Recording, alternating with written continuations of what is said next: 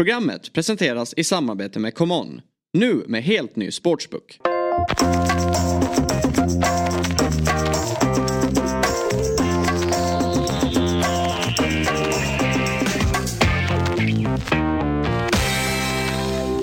Välkomna till Eurotalk Weekend.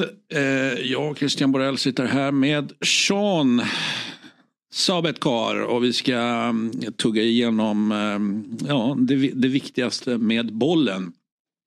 Och det har ju hänt en del viktiga grejer med bollen. Eller inom bollen och utanför bollen och allt det där. Vi har fått en ny förbundskapten. Om det är efter mycket om och men kan man alltid diskutera. Eh, så det ska vi prata om eh, och, och, ja, och berätta och komma fram till hur det här känns egentligen. Eh, då kanske man egentligen vill ha en, en första presskonferens innan man eller så har man redan nu klart för sig vad man tycker och tänker. Eh, någonting mer du är sugen på att prata om den här veckan? Eller vill prata om? Ja, nej men eh, jag vill ju fortsätta på Interspåret eftersom att de fullständigt bara kör. Så det måste vi ändå ta upp. Eh, som vi gjort tidigare också. Sen så har det ju varit en eh, i alla fall första eh, semifinalsmötet i Copa del Rey som jag tänker att vi kanske kan bolla upp. Annars har det varit lite cupfotboll i England. Um, vi, eh, ja, men vi kan väl beta av lite av det som har hänt i helgen. Eh, lite grann. Annars så mm. ser jag fram emot en helg med en fantastiska matcher som, som komma skall. Så att det är väl det är väl det jag ser fram emot mest. Men vi kan väl börja i rätt ände. Och det är väl eh, förbundskaptensfrågan eller? Ja, förbundskapten. Jag tänker återigen, finns en viss, eh, jag bryr mig inte så mycket om ålder men jag noterar att det finns en viss åldersskillnad mellan dig och mig. Eh, så jag lekte med tanken eller funderade på det, men hur, hur många förbundskaptensbyten har Sean varit med Jag vet ju hur många jag själv har varit med om men, men hur många har du så att säga varit tillräckligt stor för att känna att du upplevt att du, att du liksom var med när Jan Andersson tog över. Det, det förstår jag. Ehm, när Erik Hamrén tog över, var, var du med då kände du? Det, då, då var jag med. Ja. väl, eh, vi får väl backa bak till Tommy Söderberg där. Mm. Det är väl där jag i, i min minnesbank eh, kommer ihåg främst då. Så att det är väl fyra och mm. nu blir det den femte för, för mm. egen del. Mm. Känns det spännande? Uh, nej, nu ska jag vara ärlig. Nej, mm. det gör det inte. Och spännande behöver ju inte betyda positivt eller negativt. Nej, det, det, kan, det, kan, ju vara åt båda håll va? men spännande är det inte. Nej, det... Varför är det inte spännande? Nej men jag tycker att hela Får man kalla det ett, eh, i alla fall ett mini-haveri med hela den här förbundskaptensfrågan. Jag upplever i alla fall utifrån eh, känslan som man har när man har följt det här på Eh, relativt nära avstånd i och med att det gäller vårt kära land. Så att det har varit ett litet haveri, det är många som har spekulerat. Det har, det har känts som att eh, det här jobbet som ändå jag anser är eh, väldigt prestigevärt inte är det eh, i nuvarande situation med vad Sveriges landslag befinner sig rent eh, fotbollhierarkiskt. Så att jag vet inte, det känns lite det har tagit sån tid. Jag menar det har gått hundra dagar. Tills att vi fick fram eh, Jon Dahl Tomasson. Och, jag, jag vet inte, det, det, hela den här härvan har gjort att man Enligt dig alltså, det har tagit tid för att folk har inte velat ha jobbet. Det, är, är, det det du lutar åt? Ja, det, mm. det är känslan, mm. absolut. Um, om det sen beror på ekonomiska aspekter eller vad som har presenterats eller allt däremellan, det, får, det låter jag vara osagt för det vet jag ingenting om. Men någonting är det ju som har gjort att eh, det har tagit tid och att de namn som ändå har spekulerats inte har landat tidigare eh, än nu. Så mm. att jag kan inte låta bli att känna att det finns två delar. att eh, varför, vill ingen ha, varför vill ingen ha det här eh, jobbet tidigare? Och nu när vi har landat i Jon Dahl Tomasson, hur, hur ska han tackla det här? Han har, ju, han har ju, jag tror inte det är jättemånga som har för höga förväntningar på honom om jag ska vara ärlig. Eh, så han kanske sitter i en riktigt bra och fin sits där han kan visa motsatsen. Eh, så, det är min känsla. Mm, spännande. Mm. Annars tycker jag jag hör en del om att att folk är försiktigt positiva. Jag vet just det citatet, eh, jag har hört det från många, försiktigt positiv. Liksom, men, men eh, okej, okay, ingen jublar på det sättet som du säger och eh, men du drar det nästan åt, åt andra hållet att nej, här har folk inte så stora förväntningar och då kan man fundera på om det är på grund av Jon Dahl Tomasson själv eller om det är liksom som du sa, där Sverige befinner sig fotbollshierarkiskt och så vidare. Eller, vad det kanske beror på spelarmaterial. Vi kan diskutera lite grann vad en förbundskapten eh, så att säga, behöver ha i sin verktygslåda. eh, och eh, då kan man bara konstatera att ja, men jag, jag, jag, satte ner några punkter helt enkelt och det är svårt att inte ha, eh, jag valde att lägga media först på, på den eh, listan på ja, saker och ting man ska, man ska, man ska kunna, man ska ha i, i, i din arsenal mm. helt enkelt. Eh, har du någon fundering på det här med eh, medias liksom viktighet och huruvida Jon Dahl Tomasson eh, har den förmågan att hantera media? Nej men där, där känner jag väl att det kanske är nu, nu vill inte jag snacka ner honom som tränare, absolut inte. Han har ju framgångsrikt um, en framgångsrik sejour i Malmö där han tar ett SM-guld och så vidare. Men vad gäller media och nu tar jag upp i form av att han har varit en tidigare storstjärna ändå som fotbollsspelare. I alla fall relativt sett i uh, vilka, ja, relativt stor kan man ändå säga att han och framgångsrik spelarkarriär har han haft och därefter så är han ju mediatränad och det märkte man väl eh, i Sverige också. Att han, där är han vass. Mm. Han vet hur han ska te sig. Och han, jag tror att det, det kommer ju ett tryck med att vara en landslagstränare. Men jag tror att där känns han trygg, där känns han lugn. Så just vad gäller den biten så tror jag att det är en av, en av hans spetsegenskaper. Ja, men det är ju jättebra då, eftersom jag då har tagit det som den viktigaste. Eh, för jag känner så här, de andra grejerna vi ska komma in på sen. Där kan man, eh, alltså där kan alltså fler tränare kanske leverera liksom okej okay insatser. Eh, det som jag uppfattar är det svåra med förbundskaptenposten, ja, men det är ju att hantera media på, på ett bra sätt. En del säger att ja, men det är omöjligt, du, du, du, du har en i bästa fall då initial tid liksom när livet leker och, och, och media är lite kär i dig och sen så ska du skjutas ner så att det finns en inneboende ska vi säga, eh, ja, men någon slags naturlag att, att det blir så. så. Så vad bra då att han levererar på den, i mitt tycke, viktigaste då. Jo, men den, missförstår mig rätt där. Den, den bockar han av. Ledaregenskaper då, det är ju ett, eh, ja han ska ju leda eh, onekligen. Han ska leda en spelar eh, spelargrupp och han ska ju leda en ledargrupp. Eh, och så mm, ska det där förhoppningsvis gå bra. Har du någon feeling här då vad gäller ledaregenskaper? Ja, alltså det, det, det, är svårt för att vad jag har fått höra nu lite efterhand vad gäller hans sejour i Malmö var att det tillsammans med kanske det taktiska att inte vara hur ska jag säga det här utan att det låter allt för hårt att det, att det var det önskades mer från spelarhåll i Malmö. Eh, men det kanske kommer lite mer till det taktiska än det ledar, ledarskapsmässiga. För det tror jag att han ändå sitter på i och med hans utomlandssession som spelare så tror jag att han ändå har det hårda han har det hårda ledarskapet i sig. Eh, och det tror jag ändå är nödvändigt när du sitter med ett gäng eh, professionella spelare som är utomlands. Man behöver jag tror att den här svenska mjukheten som ändå vi har i Sverige eh, och som jag ändå tycker att kanske vi haft med tidigare förbundskaptener. Vilka känner du har varit eh, mjuka då? Nej men Hamrén tänker mm. jag främst på. Mm. Och sen så Janne har ju haft en väldigt tight spelargrupp och en spelargrupp som han har egentligen under dessa år spelat med och roterat med. Det har nästan i princip sett likadant ut truppmässigt det känns som att Jon Dahl Tomasson kommer att spela med de spelarna som, som, som han som kanske är bäst eh, för dagen.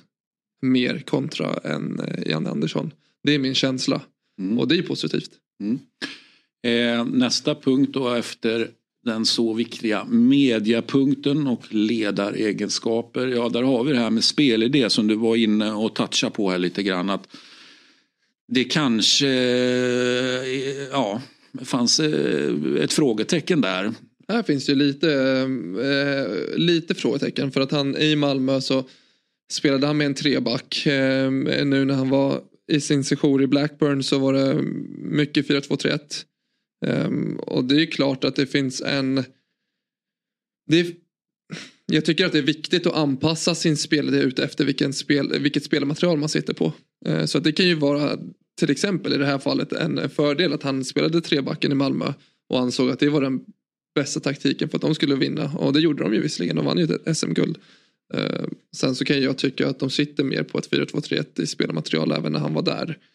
Um, så att kunna forma en spelare ut efter spelarmaterial. Där tror jag ändå att han det kan han göra med tanke på att han spelade 4-2-3-1 i Blackburn för det mesta.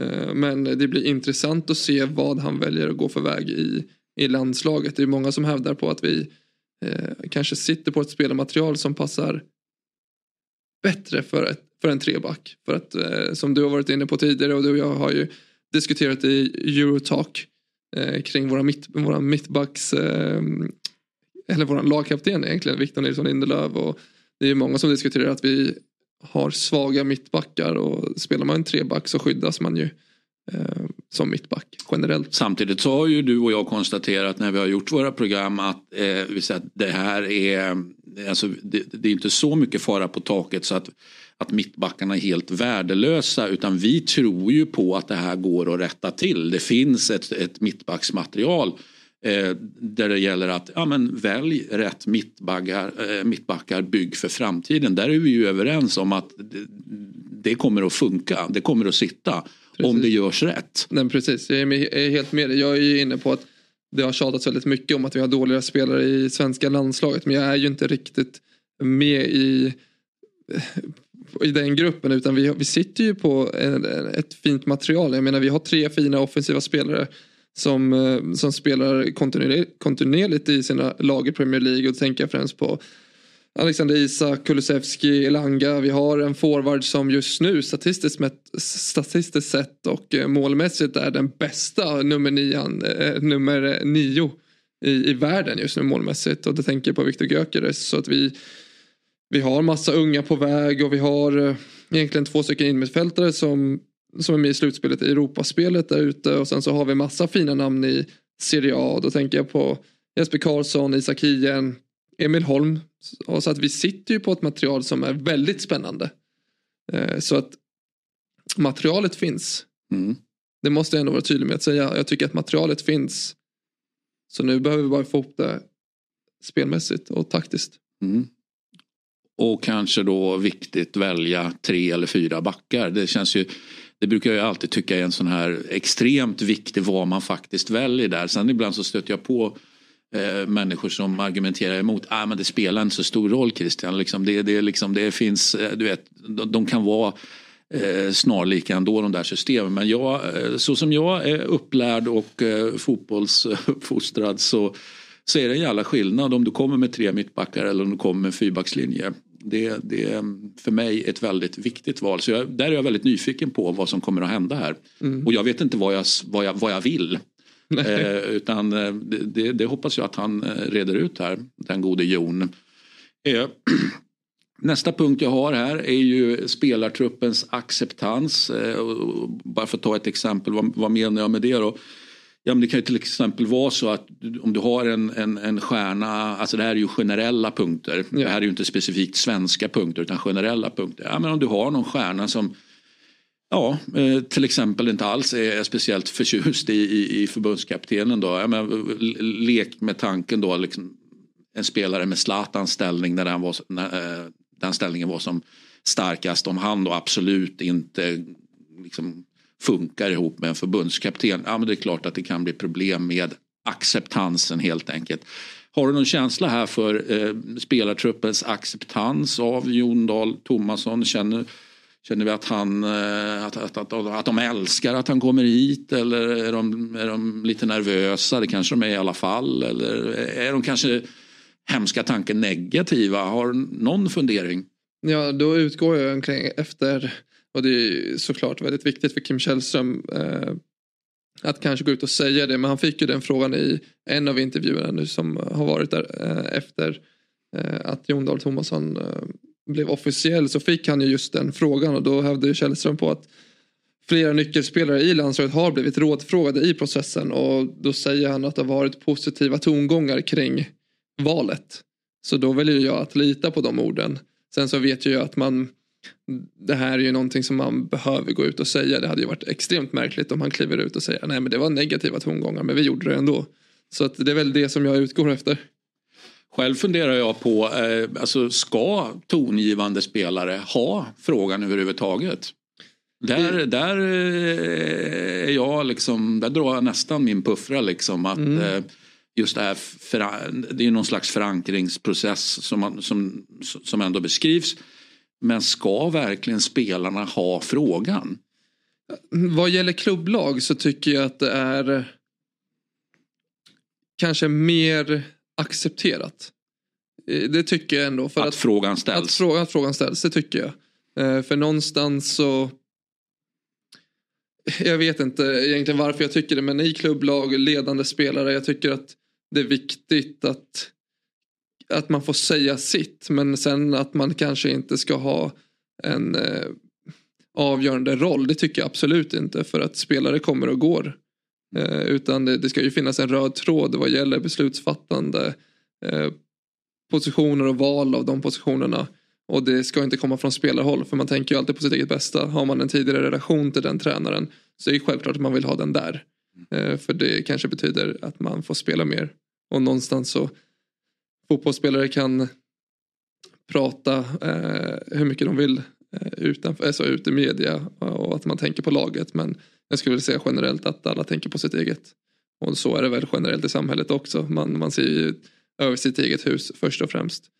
Eh, men det finns spelare som i min bok där man kanske tänker mer objektivt och där man faktiskt tänker på föreningen, laget, klubben. Och den rösten tycker jag det är viktigt att den ändå ska få höras. Men man ska inte ha en... Inget veto? Inget veto, nej. nej. Sen så vad det gäller landslag så... Ja, vad har vi för ledande...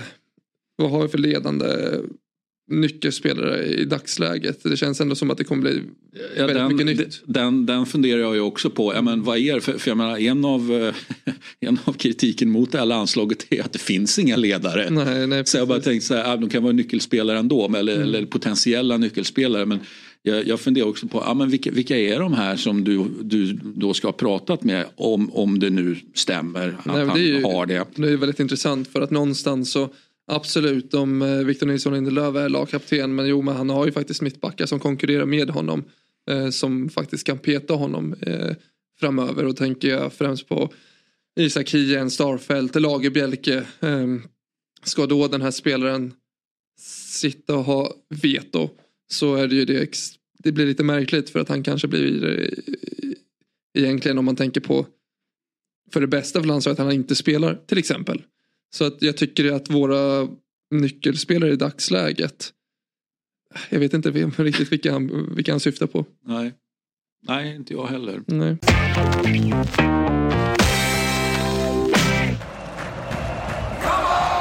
Den är här nu. Commons nya sportsbook med en av marknadens tyngsta betbuilders. Nya spelare får 500 kronor i bonus. Nu kör vi!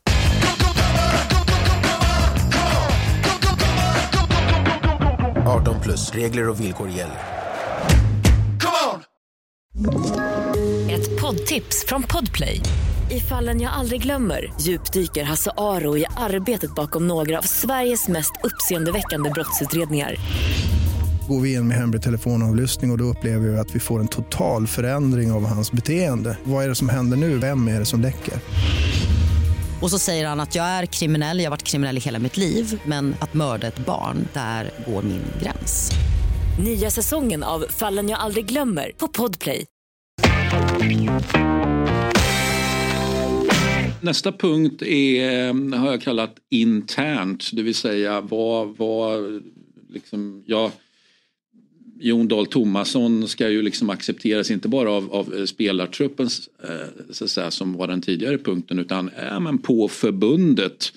Eh, det vill säga här har vi valt en, en eh, alltså det, man kan ju leka med tanken att det är hade varit prestigefyllt om det här nu var en, en, en eh, inhemsk tränare som hade kommit fram och vi, liksom, vi, hade, vi hade fått fram det helt enkelt. Precis som att det är prestigefyllt att få fram bra eh, fotbollsspelare så få fram bra inhemska tränare. Eh, så där är jag lite nyfiken på. Eh, och om det finns något PR-värde här. Jag menar, alltså, säg om du Ja men bara, bara ta en, en, en, liksom en ytterlighet. Jag menar liksom, om Pep Guardiola liksom blir klar. Eh, ja men det finns ju ett visst PR-värde i det. Helt enkelt wow. Pep Guardiola tar Sverige.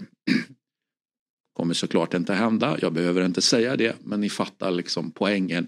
Eh, finns det något internt här som du funderar eller hur funderar du kring det? Jag vet inte, känslan är ju så att man, man går ju ut och det är klart nu, nu svär jag lite men det är klart som fan att man går ut och säger att det här är jättebra, att det finns att man tror på det, att man, har, man står bakom beslutet. Såklart. Såklart. Så att, men någonstans får få, jag kan ju inte sluta tänka på att det tagit hundra dagar att få fram det här beslutet. Är det här verkligen första, andra, tredje prioritet av eh, tränare som fanns på listan? Vem vet? Och, Spelar det någon roll om det är, alla verkar vara överens om att om inte annat så var Olof Mellberg, ett, sen om han var etta kan man också diskutera, men han var i alla fall ett steg eh, före Jon Dahl Tomasson. Spelar det någon roll det här att liksom första val, andra val, tredje val, fjärde val? Jo men någonstans så tycker jag att det ändå gör det för att man har väl utgått efter en viss profil. Och är du längre bak i den, i den listan så är det ju på grund av att det kanske inte passar in med alla de parametrar som man faktiskt sökte i första hand. Sen så har det blivit en process där man säkert har blivit tvungen att tänka annorlunda eller kanske ha andra punkter att gå efter. Andra värden att gå efter. Eh, så att utåt sett så förstår jag att, eh, att man står bakom beslutet. Eh, och det här kanske landar mycket väl. Ingen blir gladare än jag om vi får ett framgångsrikt svenskt landslag. Ehm, och det tror jag att det är många som håller med i det. Så att PR-värdet det kanske inte är superstarkt men man går ju ändå ut och står bakom det såklart. Och jag vet inte. Det, jag tycker att det är internt lite svårt. Jag tänker det är ju också den första förbundskaptenen som inte är eh, svensk. Det finns ju någonting i det som man gärna har gått ut och, och sagt. Så att det är väl PR-värdet den här gången. Mm. Eh, sista punkten där, eh, om vi har pratat internt här nu så ska vi prata externt och vad menar jag med externt och jag menar hur det här tas emot i fotbollssverige. Eh, eh, där du säger så här, bara, bara återigen exemplifiera vad, någonstans vad jag vill mm, menar att det kan handla om. Det är att ja, men om du har en, en tränare som är extremt kopplad till en viss klubb till exempel. Säg att nu har, det skulle kunna vara så i det här fallet, ja men han är jättekopplad till Malmö FF. Eh, och så då finns det andra maktcentra, ja men då är stockholmarna asförbannade och så är göteborgarna asförbannade, alltså potentiellt. Och ser du någon sån hinder här att han, att han är för starkt kopplad till, till, ja, till någon klubb eller Nej men det tycker jag ändå inte. Um, och han, eh, dessutom så bor han ju inte ens i Sverige och han kommer ju eh, enligt det som har sagts få fortsätta att inte bo i Sverige. Han kommer ju bo kvar i, i Nederländerna där han är stationerad uh, och har sitt säte. Så att nej, just uh, inom Sverige så ser jag ingen problematik. Uh, utan hans sejour i Sverige var ju ändå relativt kort. Mm. Um, och sen var han ju också i Malmö. Så jag tror att det hade varit kanske annorlunda reaktioner om det hade varit en eh, AIK, Djurgården eller Hammarby-tränare faktiskt. Mm. För att det rör, det rör, rör om mer, det framkallar mer känslor. Det är giftigt direkt där. Ja, nej, men det, blir, det blir lite giftigt. Um, sen tycker jag det är intressant med att jag såg en viss reaktion på att amen, ska inte våran svenska förbundskapten bo i landet? Det har varit en liten diskussion eh, kring det. Det tycker jag också är lite intressant. Ehm, Kim Källström gick ut och sa att nej, han kommer inte bo i Sverige ehm, initialt. Men de flesta av våra spelare spelar ju faktiskt utomlands så han kommer ju vara mycket på resande fot vilket man är som förbundskapten. Så jag ser faktiskt ingen negativ aspekt i att han inte bor i, i landet. Vad tycker du där? Nej, det ju, finns ju ett symbolvärde dock då som, som man, eh, det vet man ju aldrig hur, hur stort eller hur viktigt det är. Det, det, det, går ju säkert att hantera. Men eh, jag kan se en fördel med att bo i landet även om du såklart ska fara runt och titta på spelare. Och, då, och då kanske det är att det inte är så mycket allsvenska spelare han ska fara runt och titta på utan, utan faktiskt utanför landets gränser. Men det vore ju konstigt att om man inte tittar på allsvensk eh, fotboll. Han kanske tycker att han kan allsvensk fotboll bra efter sin tid i Malmö. Det går ju att leka med dem. Att han tycker att han har koll menar jag på, på spelarna. Nej men det tror jag säkerligen att han, att han har. Eh, Det har ju varit en liten diskussion i, i Danmark kring eh, vårat val av förbundskapten. Eh, vilket är förståeligt men journalister i Danmark hävdar ju på att det inte är konstigt att vi i Sverige vänder oss till Danmark för att få tag i en ny förbundskapten. Eh, då de tycker att eh, vi i Sverige egentligen eh, har halkat efter på både klubb och landslagsnivå. Och det, där är de inte helt fel ute. Mm. Och det är väl det som kanske är lite om, rör om känslor att han är dansk. Det såg man ju eh, i kommentarsfältet, inte minst på officiella kanaler. Eh, så att jag har inte själv några, några som helst problem med det. Men, eh, ja, det rör ju om lite känslor. Så att, Ja men det gör det ju. Det är ju trots allt en, en, en så kallad ärkerival och grannland och så vidare. Eh, sen är jag verkligen eh, inne på det här. Det är en, en fråga vi har diskuterat i, i, i vanliga Eurotalk om inte annat just det här huruvida det är huruvida det är okej överhuvudtaget med en utländsk förbundskapten då. Vilket jag inte alls har några problem med. Nu var ju inte han eh, till titeln förbundskapten George Rayner men, men eh, ja, han tränade ju på ett sätt som eh, var till stor nytta för Sverige i alla fall. Så kan vi ju säga.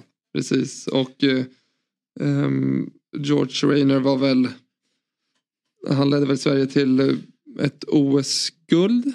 Mm, Stämmer, 19, 48. 48 eh, och OS-brons. Vilket år var det då? Eh, 52. 52. Men det är ju som du säger, det var ju inte då som förbundskapten utan det var ju som tränare. Mm. Eh, Så olika titlar men same same kanske. Ja, på den gamla härliga tiden när vi hade en uttagningskommitté, UK. Så, apropå, eh, den, var ju också såklart splittad hela tiden med, med, med liksom Ja, men maktcentra skulle ju vara där. Ja, det är klart att Malmö skulle vara representerat. Såklart att Göteborg skulle vara representerat. Såklart att Stockholm skulle vara representerat. Eh, Eh, om det är, och, och, och Norrköping var ju framgångsrika under den här tiden också. Liksom, bara för att ta några exempel. Det, är, så, det låter inte i alla fall som något eh, supersätt att komma fram till beslut 2024. Nej, så det, det är hade skönt nog- att vi inte har en uttagningskommitté. Nej, det hade nog inte funkat väl. Men det är kul också att se eh, Danmarks chans att hypa upp sig själva lite där. De, de hävdar ju på att det danska tränare sitter på en professionalism som Sverige inte har. Och sen så tar man gärna upp att de har ju exempel på eh, egentligen två, två stycken exempel från Tyskland. Bo Henriksen som har gått till Mainz och eh, Jess Torup som är i Augsburg. Eh, och att eh, då vill man ju gärna lyfta fram att ja, vi ligger före Sverige både fotbollsmässigt eh, vad gäller spelare men också ledare.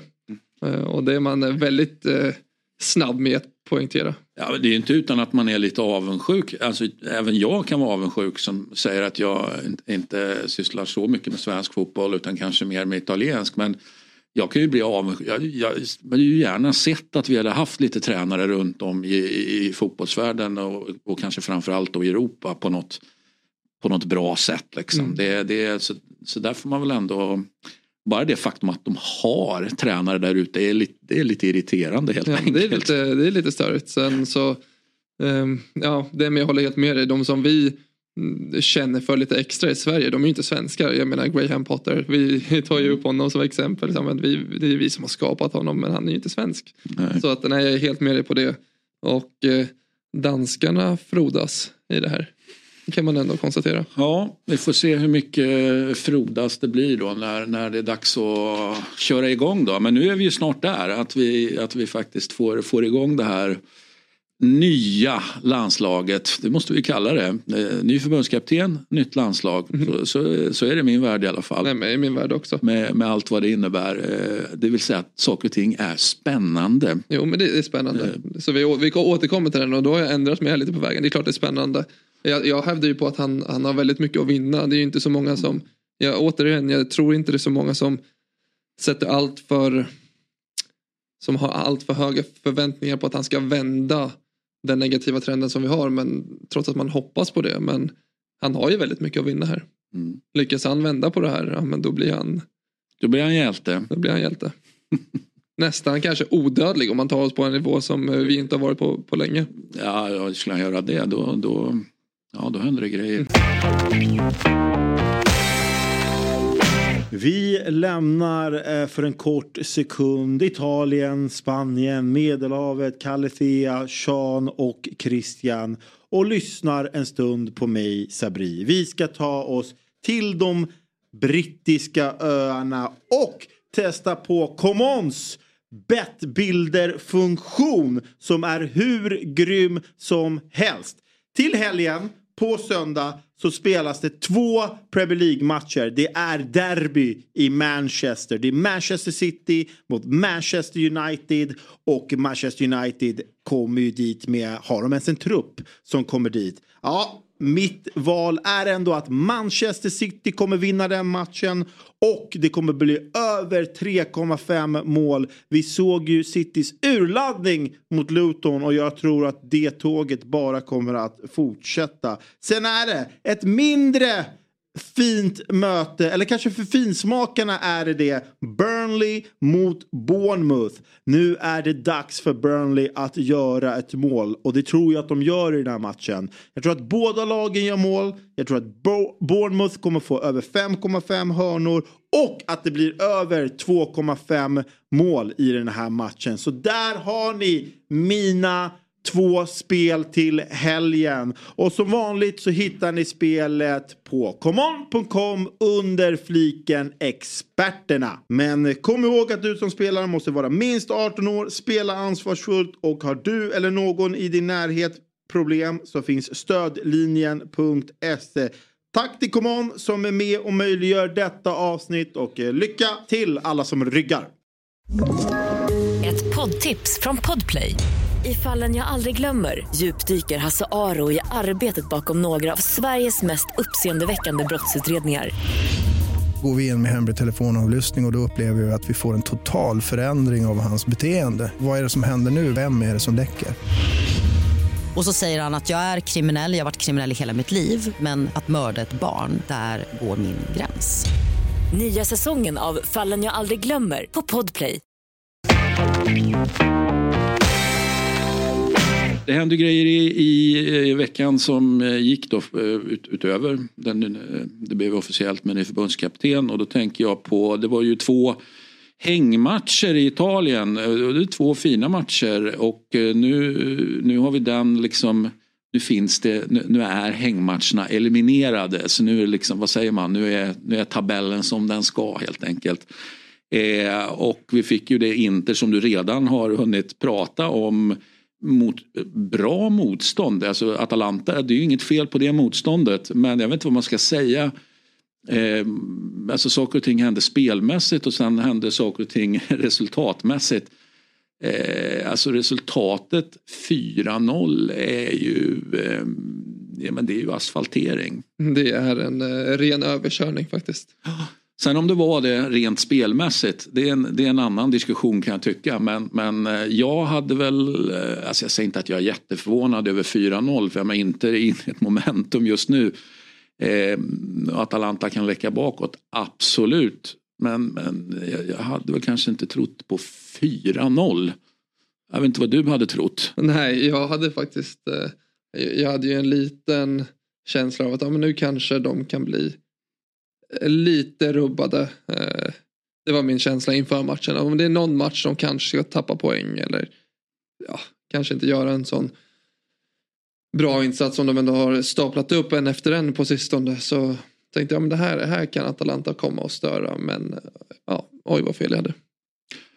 Eh, eventuellt lite oroväckande då eh, ur ett eh, italienskt landslagsperspektiv beroende på hur man ser på spelaren i fråga är ju att målvakten Canesecchi då drällde, inte bara i singular utan plural, eh, inte helt eh, optimalt där, Canesecchi oavsett om du för att vara målvakt är fortfarande ganska ung. Va? Så ja, det där kan du bättre.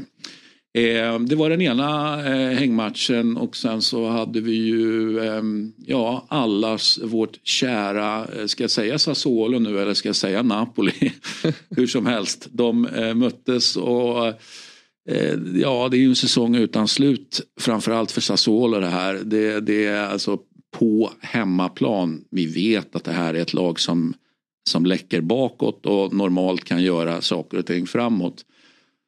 Men hemma i den här situationen där det nedre strecket bara har närmat sig och närmat sig och närmat sig och vi har fått ett tränarbyte, det vill säga juniortränaren Bidjika eh, tog över eh, och så 1-6 trots att man har ledningen. Ja, det, det, Det det är ett haveri. ja, alltså det är bortanför haveri tänker jag. Mm, ja, det är... Eh, frågan är om det är bortanför räddning då. Vi har ju pratat rätt mycket Sassuolo här. Aldrig åkt ur och så vidare. Eh, Men nu så eh, stresstestar de ju det här aldrig åkt ur ganska rejält. Ja, verkligen. Det var väl när det är senaste vinsten för dem i, i ligan. Det är väl i början av året, eh, början av januari som de har en vinst. Fiorentina hemma 6 januari så de har inte vunnit en match sedan dess. Så att vi kliver ju in i mars Mm. nu alldeles strax. Ja det är en hyfsat tydlig trend va? Mm. Ja. Kan vi väl kalla det. Nej, men och sen är det ju ett... eh, Jag menar det som räddas. eh, De räddas ju av att det är ett, som du säger, getingbo där nere. Det är väl fem poäng som skiljer mellan 13 placerade Empoli och eh, 19 placerade Calgary. Så att eh, det är fem poäng som skiljer dem åt. Och eh, det är väl det man räddas av. Av att det är lag eh, runt omkring dem som Mm. inte heller presterar på den nivån som de önskar. Eh, Du hade sett eh, Copa del Rey sa du. Mm, så att, Vad såg du då? Jag kollade på La Real Sociedad som eh, spelade mot Mallorca eh, i ena semifinalen av Copa del Rey. Och där har vi ju ett La Real som i alla fall i ligan inte har någon speciellt bra form. Nej, Det precis. kan vi ju konstatera. Precis. Och eh, det var ju en match som många pratade om att men det här tar man sig till tar man sig till final så kan ju säsongen räddas. Att man, att man är i final. Eh, I en Copa del Rey som ändå är en stor titel i, i Spanien. Men matchen går till straffar och Oyarzabal som gjorde det ena målet i eh, i matchen. Matchen slutade 1-1 som sedan gick till straffar. Han eh, missar ju första straffen eh, som sen slutar med att han blir syndabocken. Så det var ju ja, lite tråkigt. Jag hade ju rent objektivt velat se en final mellan eh, Athletic Bilbao och eh, Real Sociedad. Eh, hade ju varit, Du ville, du ville ha ett derby där helt jag hade enkelt. velat ha ett derby där. Eh, men kul för Mallorca. Eh, väldigt roligt för Mallorca som Ja, det, det är ju väldigt, de har ju också en svag säsong i ligan. Och att man lyckas komma till en, en Copa del-final eh, väger ju väldigt tungt. Trots att man ändå är i ett bottenträsk. Nu är man ju visserligen fem poäng eller sex poäng före Cadiz. Och man kommer ju lösa det till slut ändå tror jag. Eh, Men eh, att få kröna i alla fall en, en relativt dålig säsong med att komma till Copa del-final. Kul för dem. Mm. Mm. Och eh, idag så spelas ju även returmötet mellan Athletic Bilbao och Atletico Madrid. Där Bilbao spelar på hemmaplan och leder matchen med 1-0 från det tidigare mötet. Så att det blir en eh, rolig semifinal att följa. Mm. Mm. Ja, men då har du något att göra efter träningen idag då. Och på tal om eh, lite kupper, det har ju spelats lite an- andra kupper runt om i Europa.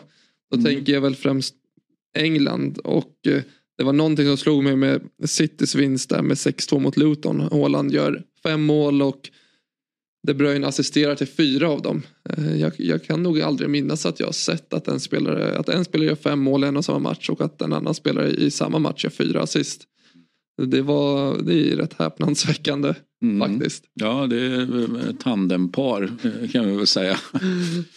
Så, ja. Nej men det är eh, Det var häftigt måste man ändå så säga. Mm.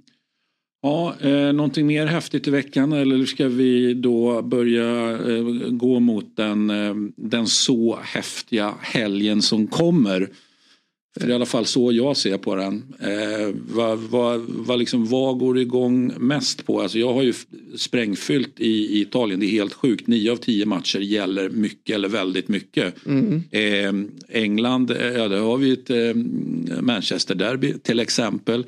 Eh, vad har du för spännande i Spanien då? Där har vi också faktiskt en hel del roligt att följa. Vi har ju Rayo Vallecano mot Cadiz där eh, Rayo, Rayo kan dra iväg lite från bottenträsket och samtidigt kanske eh, trycka till Cadiz rätt rejält. För har Cadiz riktigt otur med Celta Vigos resultat så kan det bli sex poängs skillnad eh, efter helgen. Och då är det ett Celta Vigo som möter jumbon Almeria på hemmaplan. Så att där kan det dras iväg men men, man, men Almeria sprattlar ju. De sprattlar. Alltså de, vägrar, alltså de vinner de, inte men de nej, sprattlar. De sprattlar, de vägrar ju dö. Så att det är ju inte helt säkert att Celta Vigo vinner det. Men det kan bli en väldigt jobbig helg för eh, Cadiz. Men sen så har vi riktigt fina matcher.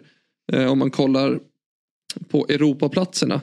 Och då tänker jag väl främst på Bilbao mot, eh, mot Atlet ah, Atletic mot eh, Barcelona. Ett Bilbao som jagar en eh, direktplats i Champions League. Så att det är egentligen trean mot, eh, trean mot femman. Sen så möts även fyran och sexan eh, i form av Atleti mot Betis. Så att det är eh, två matcher på liksom övre eh, i toppen också som eh, betyder mycket om vi är inne på det spåret. Så att det är en rolig helg i Spanien också när man tittar på den spanska tabellen, alltså det, det, det finns, ja, man tittar man på en tabell finns alltid mycket att reflektera över. Men en sak som jag reflekterar över här som jag, som jag liksom ändå är ja, men som ändå är häftig och som inte är riktigt som det ska. Det är ju att Betis då, som vi precis har pratat om, ju faktiskt då så här långt in eh, på säsongen, 26 eh, matcher spelade, eh, bara har fyra förluster. Alltså, rycker inte du till där? Jo, det, det, är ju verkligen inte så det ska se ut. Eller brukar se ut. Det kanske ska se ut så men det brukar inte se ut så. Nej, Även när Betis spelar bra så ser det inte ut så. Nej, jag är helt med dig. De, de har gjort en, en riktigt fin säsong. Sen så kan man ju verkligen diskutera den spalten av att det är fyra torsk. Det, är liksom, det här snackar vi om eh, topp tre resultat vad gäller förluster, antal förluster under en säsong. Men de är ju mästare på att kryssa ja. sig framåt i, ja. i, i, tabellen. Ja det är ju lite synd eh, om dem då att de gör det. Eh, för då toppar de ju faktiskt eh, tillsammans med, eh, ja vad har vi nu, eh, Cadiz och Mallorca just då med, med sina 12 kryss. Så det är klart, det är inte att rekommendera om man till exempel vill spela Champions League-fotboll vilket man ju skulle kunna, eller det kanske man fortfarande kan Nej, det kan man nog inte spekulera i. Eller så kan allting hända i fotboll. Nej, så är det ju. Sen så eh, älskar jag att följa Betis med tanke på att Isco hade ju en våldsam start på säsongen där han eh, radade upp eh, man of the match eh, match efter match. Vet du, en Isco som, nu är han visserligen skadad men en spelare som många totalt räknat ut kommer till Betis och bara fullständigt eh, levererar. Alltså där har vi en sån spelare som vi har diskuterat tidigare kring icke-atletiska spelare men han är väl också i den kategorin. Eh, ser lite långsam ut, ser kanske aningen ofitt ut men jävlar vad han kan spela fotboll. Mm. Och det går alltid att rehabilitera vilken spelare som helst. Det har ni hört oss konstatera tidigare. Vi kommer konstatera det igen handlar bara om att du har rätt, eh, i min värld, eh, sportchef som, som, som liksom vågar och tror och kan faktiskt prata med den där tränaren som kanske inte är sådär jättepigg på men, men den här spelaren har inte levererat här nu på, på tre säsonger eller, eller hemska tanke fyra. Eh, jag kan älska de här grejerna, just att, att våga eller att se potentialen, att våga och, och sen också eh, trumfa igenom sådana grejer. Mm. Bra gjort där. Nej men så att eh, sammanfattningsvis så är det roliga matcher i Spanien men eh, vi kan ju nog inte jämföra de här matcherna med det som komma skall i Italien eller vad säger du? Ja, jag tycker det, det är, ett, det är helt sjukt. Alltså jag, jag, jag, jag förstår inte hur, hur det här ska gå till. Eh, hur jag ska få eh, plats med alla. Jag brukar ju titta på alla matcher i och för sig då. Eh, nu kommer ju några ha samma eh, avspark här. Men sen har man ju Serie B att följa också. Liksom, så att det, blir, det blir väldigt intensivt här måste jag säga.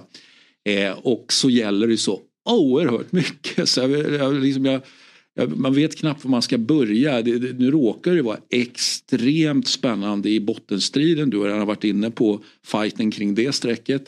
Eh, men alltså för mig ändå säsongens match. Lite tråkigt då att de kommer från den här eh, asfalteringen i negativ bemärkelse mot Inter, det vill säga Atalanta. Men då kanske bara det betyder att de studsar tillbaka ännu mer men eh, för mig ändå, där vi har landat i den här säsongen, där vi är nu. Jag menar, från början av säsongen, liksom innan vi hade börjat spela, ja, då hade man såklart inte sagt att ja, det här är säsongens match. Men nu sitter jag här och säger att ja, men det här är säsongens match och det är Atalanta mot Bologna. Eh, som ju då, ni vet vid det här laget att jag punktar hyfsat båda två då. Kanske snäppet mer Bologna. Vilken match! Ja, otrolig match. Det här... Nej, det jag håller med. Det här är nog eh, helgens mest intressanta match. Här sitter jag, här sitter jag bänkad med mina favoritsnacks och eh, planerar helgen ut efter den här matchen. Och, och, vad, och vad tror du att du kommer att få se då? Nej, alltså jag, jag var, kommer inte att yttra mig gällande det här för att det, det, det, är så svårt någonstans. Jag vet att du säger att nej men det är klart att jag inte håller på något lag särskilt så. Men alltså någonstans har jag börjat känna för Bologna under, under säsongen. Mm. Jag gillar ju när det som inte ska ske sker. Så att det är klart att jag kommer sitta här och hoppas på att Bologna visar att eh, visar att eh, den här fjärde platsen ska vara deras. Eh, men alltså, jag vet inte. Vilket den ju är i skrivande stund. Vi, vi, har ju, man, man får ju nästan ny, nypa sig själv lite grann. Liksom, aha, nu, nu när hängmatchen är spelad och allting. Okej, okay. och så är Bologna fyra.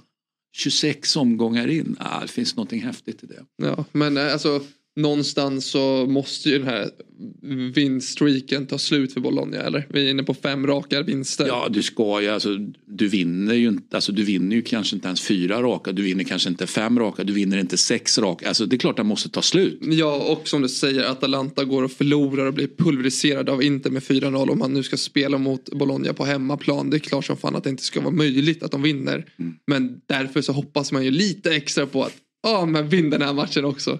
Det hade ju varit ruggigt fint.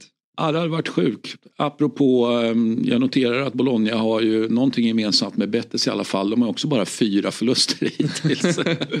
Så är, eh, Men Betis. inte lika många oavgjorda. Alltså de ligger på CL-platsen som Betis inte ligger på. Det är väl skillnaden. Men då vi säger då Betis är Spaniens Bologna kanske. ja. Eh, och sen ehm, eh, som sagt var, eh, jag menar Lazio-Milan sparkar igång på fredag kväll. Det är klart att det är en toppmatch. Det, det, liksom någonstans eh, förstår ni ju. Milan ligger ju före Lazio. Eh, Lazio som är, fortsätter att vara lite lätt eh, ojämna. Ehm, och så Udinese Salernitana och så Monza Roma och så Torino mot Fiorentina och så ångestmatchen då Hellas mot Sassuolo. Empoli mot Cagliari, Frosinone, Lecce. Atalanta Bologna har vi pratat om. Napoli, Juventus, ärkerivaler mot varandra. och så den enda då som kanske inte är sådär hyperintressant. På måndag inte Genoa. Alltså det där, där har jag dratt min, jag kommer ju titta på den eh, såklart på måndag. Men, men jag kan inte se att den gäller väldigt mycket. Eh, som ju precis alla andra nio matcher gjorde. Eh, misstänker att eh, Salernitana kanske ändå, nu är det sju poäng upp. De ligger ju sist. Salernitana har inte fått effekt på sitt tränarbyte, det konstiga tränarbytet. Eh, när man tog in eh, Liverani. Men sen Cagliari, Hellas, Sassuolo, Frosinone, Lecce, Empoli. Ja, har vi seger för Empoli mot Cagliari nu. Då börjar jag känna lite grann att Empoli faktiskt Ja, jag, sitter, jag säger inte att de är, är klara men det, vi börjar närma oss klara då i man drar fall. Ifrån. Man drar ifrån, det gör man. Ja. Det gör man. Och, och, och märk väl obesegrade under, efter sitt tränarbyte då, under Nicola. Mm. Sex omgångar nu vilket ju också är helt du pratade tidigare om en winning streak som ska egentligen, den ska egentligen inte kunna fortsätta. Men samma Empolis obesegrade streak, ja men den ska ju inte heller kunna fortsätta. De är ju fan Empoli. Nej, exakt. Ehm, men eh, har ju hittat någonting där onekligen. Ja, är, är någon, eh, någon mer match då utöver Atalanta-Bologna som du eh, tänker att eh, man nej. inte bör missa? Eller är det den som nej, står nej, men i det, det är den rakt av för min, för min del kommer att vara den matchen som jag sitter bänkad. Sen så kommer jag följa de matcherna som jag tog upp i Spanien. Um, bara ett litet instick nu om vi nämner lite grann Spanien, lite grann Italien. Jag vill bara få in Måste ju bara få in mitt case varje gång vi har kvalitet. De vann ju också senast med 3-0. Eh, mm. Så de har ju tio, tio raka matcher utan förlust. Så de går som tåget. Jag vill bara få med det här så att ja, vi fortsätter men... på min resa som jag har. Eh, så att ni också får ta del av eh, ja, jag Som du bara har börjat på. Bara du är ju bara i, i, på, i, i, i, sin linda liksom. Ja. Tänk vad du ska resa länge Sean. Ja exakt så. så. Vi hade ju faktiskt med i en annan produktion som vi har på, på Dobb, Fotbollsmorgon. Så hade vi med Christos Gravius i, dagens, mm. ja, dagens avsnitt. Så att vi tog tempen på honom lite där. Så att nu är jag alltså mer taggad än någonsin för att kanske åka dit. Eh, vilket jag kommer göra. Eh, men att fortsätta följa det så intensivt som jag gör. Alltså det finns någonting där Christian med. Eh, jag pratade med Christos idag. Du vet de har spelare som de är fina. Det är spelare som tidigare spelat i. Vi har en som är från Real Betis. Vi har mycket sy sydamerikanskt spår där borta. Spelare från Uruguay. Brasilien, Argentina. Alltså det finns någonting i det här projektet som jag ändå går igång på väldigt mycket. Mm. Så att jag, nej, jag hoppas verkligen att de fortsätter det de håller på med just nu. För att som det ser ut just nu så är det inte många som kan störa dem. Däremot det som blir det svåra är ju att det är två stycken andra ligadivisioner. Så det finns mm. en grupp A och en grupp B. Ja. Så de fem bästa i grupp A möter de fem bästa i grupp B i ett, en slutspelstabell där man tar med sig sina poäng från den originalserien. Och du vet sånt där kan ställa till det. För att då möter man plötsligt lag som man inte har mött under säsongen och sen blir det något annat. Och det kanske kan skilja sig nivåmässigt mellan grupperna också så som Kristos förklarade idag att eh, bottenlagen, då kan man jämföra med division 1 nivå i Sverige. Mm. Samtidigt som topplagen är liksom, ja, men allsvensk. Så att, eh, det blir eh, väldigt intressant att fortsätta det, eh, det caset och den våren. I love it. ja, samma. Underbart. Eh, finns, finns ju de som älskar Premier League också. De eh, ska väl också få sitt lite grann. Det är, ju några matcher som eh, sticker ut där får vi väl ändå säga. Manchester-derbyt har vi ju redan nämnt. Eh, eh, hur ser du på det? Du har ju varit och, och fingrat på att Haaland och eh, De Bruyne eventuellt kommer i toppform då. Med sina assist och sin målskörd. Ja, alltså jag eh, blev ju hyvlad lite tidigare. Där vi pratade om, jag pratade om Manchester City i något sammanhang. Där jag fakt det slog mig då efter den lilla hyven att eh, Manchester City har inte förlorat sedan eh, 6 december. Så att de, eh, vi har varit inne på det, att de börjar formtoppa här inför våren. Det känns lite grann som när eh, Real Madrid i sin prime för några säsonger sedan. Du vet när våren kickar in då loggar spelarna in och det är väl det som eh, Manchester City håller på med just nu.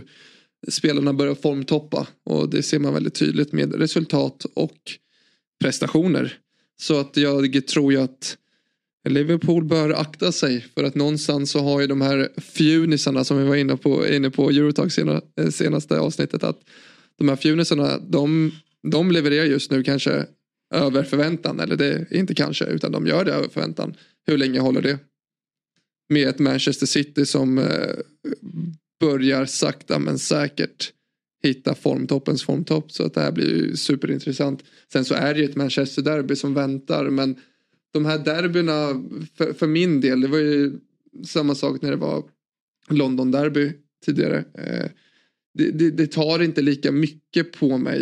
Det, jag känner inte lika mycket inför de här mötena. För någonstans så tycker jag att det är för stort gap mellan lagen.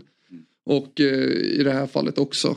Jag tycker att Manchester City är totalt överlägsna Manchester United. Så jag ser ju ingenting annat än att Manchester City faktiskt promenerar hem den här matchen. Trots att det är ett derby och trots att det är aha, allt det historiska. Det är för stor nivåskillnad här. Och bara för det så kommer det säkert bli någonting som jag inte har förväntat mig. Men utgår jag efter det jag ser på plan rent fotbollsmässigt så är det. Så ska du bara kunna sluta på ett sätt såklart. Ja, och därför så går inte jag igång på matchen på ja, samma sätt som kanske övriga. Stora delar av Sverige. Ja, stora delar av Sverige. Eh, så att, nej, jag vill inte vara inne och fingra för mycket på, i Premier League. Jag upplever att jag får väldigt mycket kritik riktat mot mig eh, där. Men, men ja, ja men alltså, du, fingra får du väl göra. Du får väl göra, du får väl göra, du får väl göra vad du vill. Jag vad jag vill. Men eh, nej, jag, som jag ser det så så, så kommer det stå mellan Liverpool och City. Men Arsenal är ju fortfarande med där och du, mm. du tror ju fortfarande starkt på att Arsenal tar hem ligan, eller? Ja, jag har inte ändrat det tipset. Nej. nej. nej. Så att, um, det, det, det, ska man ju inte göra, eller ska man det? Ska man ändra tips under säsongens gång? Nej, det tycker jag är svagt. Det, det Sen kan jag... ju saker hända. Ja, ja, det är klart de kan göra. Men jag tycker, min utgångspunkt, min, min regel någonstans mm. är att man ändå, ja, men man har gjort ett, ett tips inför säsongen och då står man väl det helt enkelt. Och sen med. kan det finnas förklaringar sen efteråt varför om man nu hade fel, vilket jag inte har än då. Men... Nej.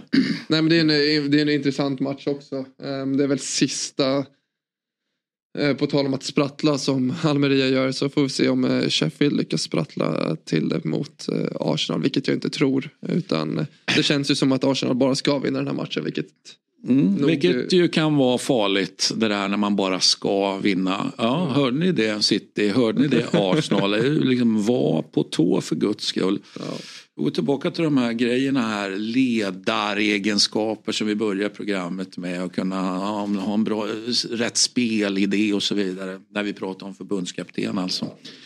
Nej men äh, Arsenal eh, ska ju vara så mycket bättre i allt. Jag menar de har ju Sheffield har gjort 22 mål. Arsenal har släppt in ungefär 22 mål, eh, 23 mål. Och Sheffield har släppt in 66 och Arsenal har gjort 62. Så jag menar skillnaden här är ju enorm. Eh, sett till insläppta mål och gjorda mål. Så att jag menar det går ju bara, det finns bara ett sätt den här matchen kan sluta på. Men vi får se. Jag noterar att Arsenal har ju fyra förluster så nu är vi på de här lagen. Alltså Arsenal, eh, Betis och Bologna, Bologna. De som har förlorat fyra matcher. Ja. Eh, jag måste bara sticka in där att fyra är också mitt, mitt nummer i livet. Ah, så ja, allt ja, jag gör. Har du det på tröjan? Haft på... hela livet. Jag hade en uh, liten Spännande. tid först, fyran var upptagen men den fick jag efter några månader när den spelaren försvann. Så fyran och jag. Ja, du såg till att spelaren försvann. Ja. Det gjorde Det var ju faktiskt en konkurrent till mig också. Så, så det kan man ju hävda. Du såg så, till det. Ja, Så fyran är det är mitt eh, nummer i livet. Så att, eh, spännande, mm. spännande. Själv är jag uppvuxen med eh, tröja nummer åtta på, på, på fotbollsplanen. Mm. Så åtta är mitt. Och... Så det, är det någonting du tar med dig liksom i övriga livet? Alltså, du vet när jag sitter och om jag sitter och väntar på Ja men vi säger att jag kliver in på banken och ska ta ett, eh, när jag väntar på min tur och tar en eh, nummerlapp och när jag ser fyran någonstans där, om vi säger att det är nummer 437. När fyran är där då vet jag att det kommer bli ett bra möte. Mm. Ja, men det är samma här. Jag har, jag har, men, men då kanske jag inte har åttan med mig. Utan mm. det, det beror lite grann på. Jag, jag, jag håller på med vissa grejer när jag, eh, när jag åker flyg. Då, alltså rader helt enkelt. Rad ja, men då är det liksom, nej, inte rad åtta utan jag, jag jobbar eh, det får jag väl erkänna då att jag jobbar med eh, Ledesma nummer 24. Eh, och sen har vi ju Chevanton nummer 19 också. Så någonstans, alltså jag, jag, jag trivs tydligen mitt i planet om man säger så.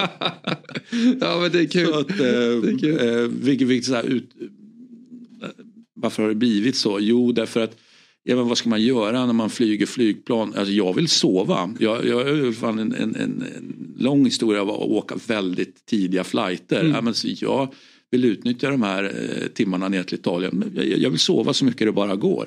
Eh, och då funkar ju det mer eller mindre bra på olika, alltså hur fönstren sitter och så vidare. Just det. Eh, och då kan man komma fram till sådana grejer som att ja, men 24 här, här, här kan man sova och vila riktigt bra. Då måste man ju ha fönstret eh, längst, eh, ja, åt fönstret då. Det är ju en, en del i ekvationen också. Ja. Fönsterplats och... Nej, jag är med dig på det där. Jag är med dig på sånt där. Jag eh, håller ju väldigt mycket på, som vi har varit inne på, lite vidskeplighet och lite annat. Så att fyran, vad gäller mycket, är också född i den fjärde månaden på året. Så att jag menar, fyran finns där i många beslut vad jag gör eh, runt omkring i livet. Ja, jag inser att jag är ju faktiskt är född eh, i augusti som är den åttonde månaden. Jag har inte Nej. riktigt tänkt på den tidigare. Ja, det där är så sjukt. Det är det här jag menar. Ja, du vet. ser nu, nu börjar vi, nu börjar vi snacka här. Alltså, nej, det, alltså, det hör ju. Det finns Ja. något i mig som går igång på det här. För det, här det, känns, det är för mycket tillfälligheter. Precis. ytterligare. Eh, finns inga tillfälligheter. Nej, Det, det, det är väl det vi håller på med, eller hur? Ja, nej, finns men- inga tillfälligheter. nej, så är det. Eh, med det sagt Sean har vi nått, eh, inte vägs ände, men eh, den här, slutet på den här veckan då, typ, vi spelar ju in på torsdagar så det finns ju en fredag, det begriper vi också. Men ni lyssnar på det här på fredag och framåt så att eh, ja, då är veckan slut. Så därför veckan kan man ju säga trevlig helg. Trevlig helg. Och eh, ska vi få med bara lite kort för eh, jag ser att Ja, ja, efter eh, Frankrike-älskarna. Ja, jag tänker bara att Mm. eh, vi kan väl bara vi kan väl bara få in att det är ändå lite mer fler toppmatcher runt om i Europa. I Frankrike har vi Monaco, Monaco som möter PSG i egentligen en redan avgjord liga. Sen så har vi Besiktas mot Galatasaray. Galatasaray som ligger etta och Besiktas som ligger fyra. Sen har vi ändå en riktigt fin match i Portugal måste man ändå säga mellan Porto och Benfica. Där eh, Porto kanske får sista chansen att försöka haka på ett Benfica som går som tåget. Så ja, det, är, det spelas mycket matcher i helgen och mycket att hinna med. Så Ja, det, det blir ju veta. en trevlig helg för oss fotbollsälskare. Ja, så, så är det ju. Och jobb, jobb, men den kommer bli jobbig den här. Jag, jag, bara, jag känner, jag känner alltså feb, febrig, jobbig. Ja, men ett riktigt, eh, vad ska man säga, ett, ett riktigt jävla mandomsprov. Eller finns det säkert en kvinnlig motsvarighet till det också som jag inte riktigt vet vad det heter. Men, men eh, det, det, man kommer komma ut mör på andra sidan. Ja, Det, det tror jag Det att tror man jag. kan garantera. Va? mm. Så är det. nej. Cool då Sean. Ehm, eh, ta det lugnt på träningen eller rätt sagt ta det inte lugnt på träningen utan gå, du, kan, du kanske behöver flytta på någon eh, konkurrent eh, i din nuvarande klubb också. Jag ska Fast göra- nu har du ju fyran å andra Ja, sidan så nu är det inga problem. Men Nu är det manjana. Nej, jag ska göra mitt bästa. Mm. Och eh, tack för idag så ses vi nästa vecka igen. det gör vi. Ha det bra allihopa. Ciao ciao. Adios.